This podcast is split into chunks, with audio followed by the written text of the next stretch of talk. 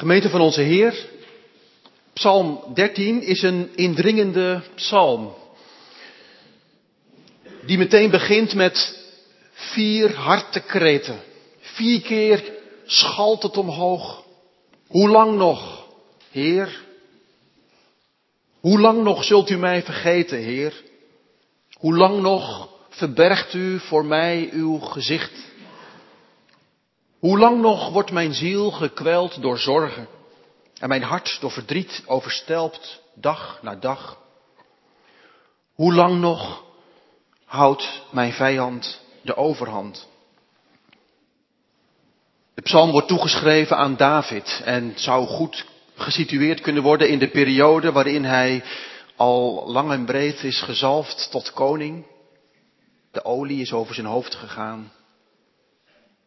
En wat er feitelijk gebeurd is, is dat hij opgejaagd wild is. Wordt opgejaagd als een dier door koning Saul, die hem op de hielen zit en hem naar het leven staat. Die spanning tussen wat God beloofd heeft, die zalf op zijn hoofd, en wat hij ervan voelt en ziet, die spanning zindert door deze psalm. Zie mij, antwoord mij, verlicht mijn ogen. Hoe lang nog? Kijk, die psalmist weet wie God is en dat hij er is. Maar het is zo stil op de lijn. Hij heeft al tijden niets meer van die God vernomen. Geen bereik. Akelig stil. Hoe lang nog, Heer? David is niet de enige die worstelt met de stilte van God. Met God die zich terugtrekt in stilzwijgen. Je kunt die schreeuw door de psalmen heen zo vaak tegenkomen. Een van de psalmen zegt, God, houd u niet stil, zwijg niet, God, zie niet onbewogen toe. En een andere psalmist zucht, waarom, Heer, bent u zo ver? En verbergt u zich in tijden van nood? En weer een andere psalmist zegt, echt, Heer, u bent een God die zich verborgen houdt. Het is een ervaring van gelovigen van alle tijden. Dat zwijgen van God. Gods verborgenheid. Er zijn woorden aangegeven, zoals de donkere nacht van de ziel. Gods verduistering. Gods verborgenheid. Maarten Luther bijvoorbeeld. Juist hij, die zo helder zicht had op Christus en zijn genade en daar zo prachtig over kon preken en zingen en componeren. Juist hij kon het niet verdragen als God zijn mond hield. En dan schreeuwde hij het vanuit zijn binnenkamer naar de hemel. Zegen ons, Heer, of vervloek ons desnoods, maar zwijg niet. Of neem nu moeder Teresa, jongens en meisjes. Heb je wel eens van moeder Teresa gehoord? Dat was een, een non. Een non die haar hele leven in India heeft gewerkt. In de echt, in de achterbuurten, de krottenwijken. En daar zorgde zij voor de paria's, de leprozen, de onaanraakbare, de, het uitschot. Daar heeft zij een leven lang tussen gewoond. En ze kon daar zulke mooie dingen over zeggen. Dan zei ze, Christus in onze harten. Christus in de armen die, die wij ontmoeten. Christus in de glimlach die we geven. Christus in de glimlach die we ontvangen. Maar toen ze stierf, werden haar brieven gepubliceerd. En in die brieven is ze onthutsend eerlijk over lange periodes van aanvechting, van worstelen met God die zwijgt. Ze schrijft bijvoorbeeld, telkens als ik mijn gedachten naar de hemel wil verheffen, vind ik daar zo'n indringende leegte. Dat mijn gedachten terugkeren als scherpe messen en mijn ziel verwonden. Ik heb geen geloof. Soms hoor ik mijn binnenste uitroepen, mijn God, en er komt niks terug. Of neem de vorige paus Benedictus. Hij kon echt prachtige, diepe boeken schrijven over Jezus. Maar op zijn allerlaatste audiëntie was ook hij heel eerlijk en zei, soms leek het de laatste jaren alsof God voortdurend lag te slapen. En in die lijn staat ook Psalm 13. Hoe lang nog, Heer, zult u mij vergeten? Hoe lang nog verbergt u voor mij uw gelaat? De omgang met God kent kennelijk haar getijden. Het is niet altijd hoogtij en vloed. Soms is het eb en sta je tijdenlang droog.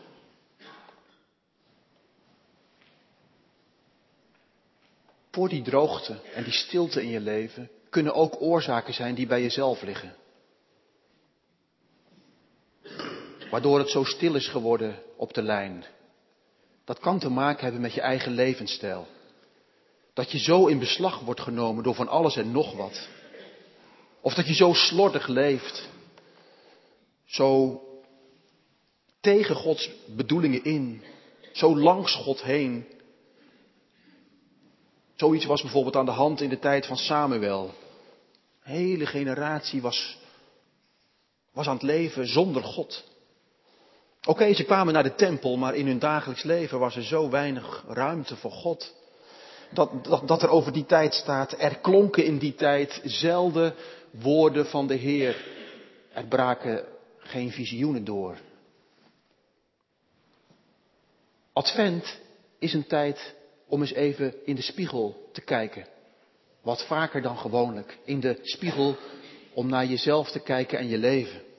Advent is van ouds een periode van zelfonderzoek. Voordat we klaar zijn om kerst te vieren, kijken we eens kritisch naar onszelf. En niet te kort, maar durf echt eens te kijken. Leef ik op een manier waardoor God praktisch gezien er geen woord meer tussen krijgt?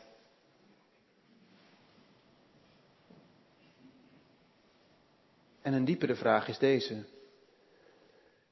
Merk ik het als hij zich terugtrekt? Ik heb het van de week aan een paar mensen gevraagd. Merkt u dat eigenlijk? Als God zich terugtrekt en een poosje niks meer tegen je zegt? Het zou zomaar kunnen dat u zegt, nou ja, moet je luisteren, daar ben ik eigenlijk helemaal niet zo mee bezig. Ik leef mijn leven en ik geloof heus wel maar of God nu weggaat of komt, ik heb er niet zoveel mee. Zou u God missen? Als hij een poosje weg zou gaan uit uw leven? Zou u het merken? Zou jij het merken? En zou je het kunnen, zou je het kunnen verdragen? Hoe bewuster je wandel met God is, hoe moeilijker je het vindt als hij er niet is. Zijn vrede in je hart ontbreekt. Woorden van hem niet meer binnenkomen. En jouw woorden naar hem tot het plafond komen en weer terug. Onze vader had het vroeger over een hemel van koper. Gesloten. Geen verbinding, geen bereik. Dat is het deel wat bij ons kan liggen. Maar het hoort ook bij God. Het hoort ook bij de manier waarop God in deze wereld is, dat zwijgen, die stilte. God is geen spraakwaterval. God is zorgvuldig met zijn woorden. Hij kiest zijn momenten. Soms sprak hij tot Abraham op een manier dat het dwars door zijn leven trok. En hij wist het, God spreekt. Maar dan kon het soms dertien jaar duren voordat God weer zijn mond opendeed. Dertien jaar lang bleef de hemel dan gesloten. En moest Abraham het doen met dat woord wat God hem had gegeven. En Elia, die kon God soms zien als een bliksem aan het werk. Iedereen zag het. En Elia, hij leek God aan een touwtje te hebben.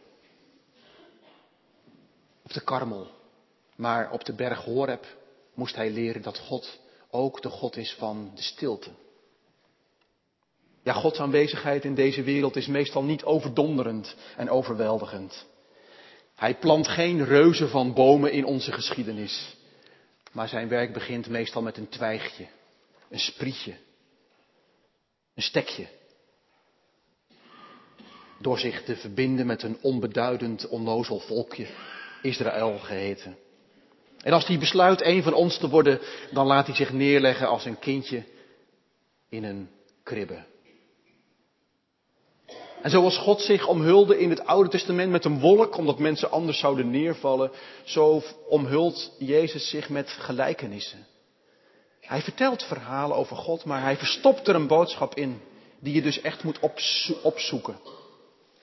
En af en toe is er even een teken van Jezus' glorie en macht en koningschap.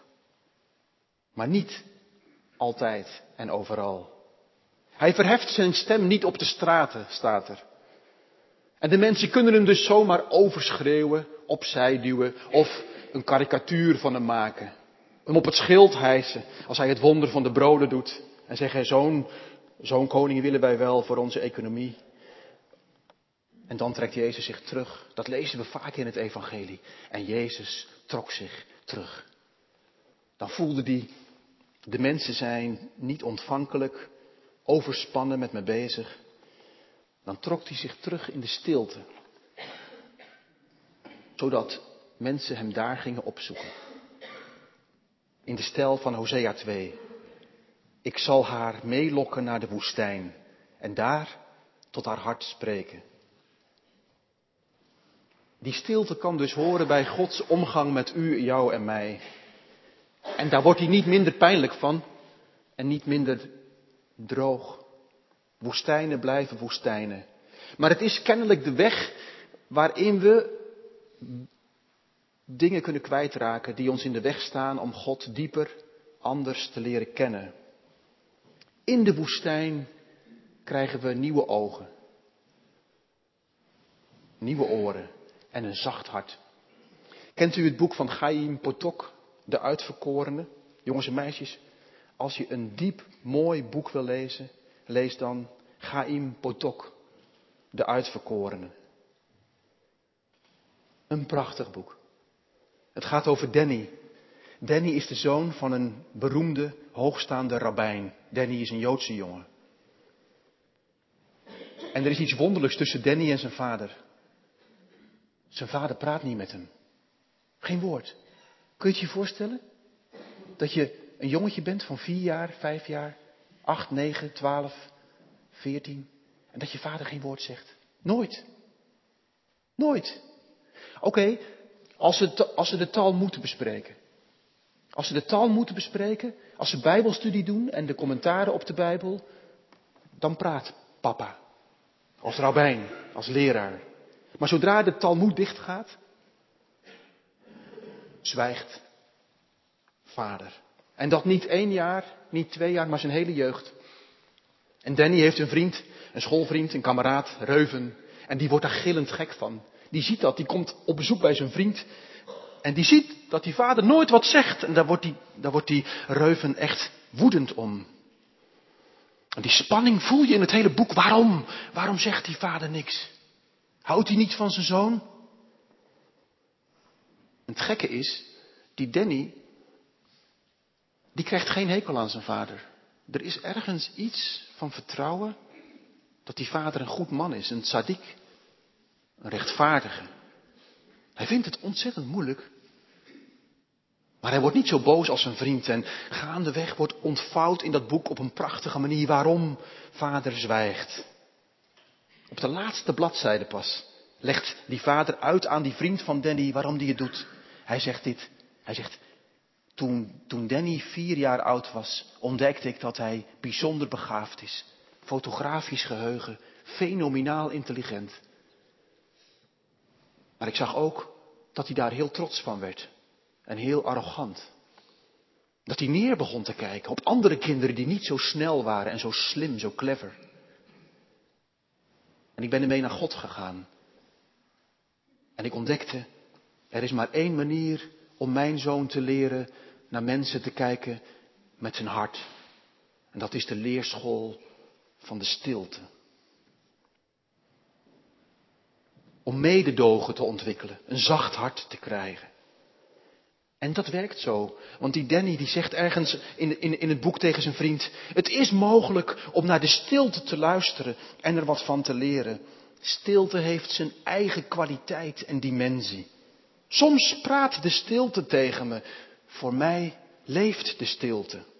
Ze spreekt en ik kan haar horen. Je moet er naar willen luisteren. Maar dan, en dan hoor je het pas. Stilte heeft een vreemde, mooie structuur. Ze spreekt niet altijd en soms huilt ze. Soms voel je de pijn van de wereld erin. En doet het pijn om er naar te luisteren. Maar je moet wel.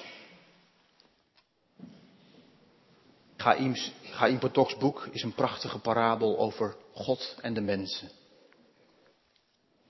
En laat ons zien dat God ook zo kan zijn. Hij betaalt een hoge prijs, want die rabbijn ging er zelf bijna aan stuk. Hij leed er meer onder dan zijn zoon, minstens zoveel, om niet te spreken. Het was een juk wat hij droeg, ten dienste van zijn zoon. En zo proef je in het boek dat God ook een hoge prijs betaalt om zich in stilte te hullen, zodat er ruimte ontstaat voor u en voor jou en voor mij om naar God te gaan zoeken. Om een hart te krijgen voor God en voor de ander een zacht hart. En in Psalm 13 zie je in zeven versen iets van die leerschool van de stilte terug. Want het begint weliswaar met die hartekreet, hoe lang nog, Heer? Hoe lang? Hoe lang? Maar tegen het einde van de psalm is er ineens een wending. Zomaar. Uit het niets. De stilte is niet doorbroken. De vragen zijn niet beantwoord. De problemen niet opgelost. En het lijkt alsof juist de stilte deze psalmist eraan herinnert wie God is. Was, is en altijd zal zijn. Die stilte zuivert zijn denken. Er zijn de, de, de grijnzende, donkere godsbeelden die sommigen van u van huis uit hebben meegekregen. God die mij vergeet. God die een andere kant op kijkt. God die met mij geen plan heeft. Mij niet ziet zitten. God die niet op mij betrokken is. Mij niet wil. Die donkere godsbeelden grijnzen hem in zijn gezicht. Maar dan ineens komt daar één woord tot diep vanuit zijn ziel naar boven. Dat is het Hebreeuwse woord geset. Geset. Verbondstrouw. Wij vertalen het met liefde, goede tierenheid. Dat ene woord dat zo in de Joodse geschiedenis het woord is waarin God zich laat kennen als de God die zegt, ik ben geen grillig spook die doet wat hij wil. Ik ben een God van het verbond. En ik heb dat gesloten met jullie. En ik hou het. En ik heb het nog nooit verbroken. En ik zal het nooit verbroken, verbreken. Ik blijf trouw aan mijn contract met jullie, met jou. En dan komt die psalmist tot dat krachtige slotvers. En hij zegt, ik echter, moet je je voorstellen, oorverdovend stil, nog steeds. Spook om hem heen, donkere godsbeelden. En dan in één keer zegt hij, ik echter vertrouw op uw gezet, op uw verbondstrouw. Ik echter, ondanks alles, tegen de klippen op, hoe oorverdovend stil het blijft op de lijn. Ik echter vertrouw op uw liefde. Trouw, goede tierenheid. Geset. Kijk, dat is geloven. Dat is het geloof wat Jezus had. Toen hij zijn donkere nacht van de ziel beleefde, vastgespijkerd als een dier aan het kruis. En het zo stil was op de lijn, zo donker in zijn ziel. En hij midden in die God verlaten stilte riep. Mijn God, mijn God, waarom hebt u mij verlaten? Hij vloekt niet. Hij blijft die verre, zwijgende God, die in geen velden of wegen te bekennen is, beleiden. Door te zeggen, mijn God, mijn God. En het wonderlijke is dat Toen, toen het het stilst werd op de lijn en God zich het meest, meer dan ooit hulde in stilzwijgen. Op dat moment, die uren van Golgotha, dat dat het meest sprekende bewijs werd van Gods liefde. Daar moet je God voor zijn om dat te bedenken. Je zo hullen in stilzwijgen. En juist daarin zo krachtig spreken tot de hele mensheid. Daarom zeggen wij op onze donkerste momenten, als al die donkere godsbeelden ons weer aangrijnzen, ja zelfs in onze stervensnood, ik echter vertrouw op Christus. En als wij soms door donkere tijden moeten trekken, u, jij of ik, als het soms zo donker kan zijn en zo stil, weet dan dat je daar, ook daar, nooit alleen bent. Want het is zo stil niet, zo donker niet, of Jezus was daar voor jou in de woestijn, werd daar verzocht en bleef staande. En kan dus met onze zwakheden meevoelen. En dient nu als de hemelse hoge priester is nu als vaders rechterhand en bid voor jou en bid voor u. Dat het op uw stilste en donkerste momenten, dat u dan stand zult houden en het vol zult houden. En zult zeggen, ik echter vertrouw op uw gezet, verbondstrouw. En de psalm die begint met een hartekreet, loopt uit op een loflied. De laatste versen zijn, mijn hart zal juichen, omdat u redding brengt. Ik zal zingen voor de Heer. Hij heeft mij geholpen. Het is eigenlijk een lied wat voor de muziek uitgaat. Soms zeggen we dat wel eens tegen elkaar, een beetje kritisch zeggen we, nou, nou, nou, niet voor de muziek uitgaan hoor. Deze psalmist doet het wel. God spreekt nog niet en heeft nog niet verlost, maar hij begint toch al te zingen. Voor de muziek uit. En zegt, mijn hart zal juichen. Ik zal zingen voor de Heer. U heeft mij geholpen. En het moet nog gebeuren. De verlossing moet nog komen. De stilte moet nog worden doorbroken. Maar hij zingt zich al het vertrouwen in. Zo is God. Hij zal het doen. Hij deed het, hij doet het en hij zal het blijven doen. En daarmee is het ook echt een adventspsalm. Amen.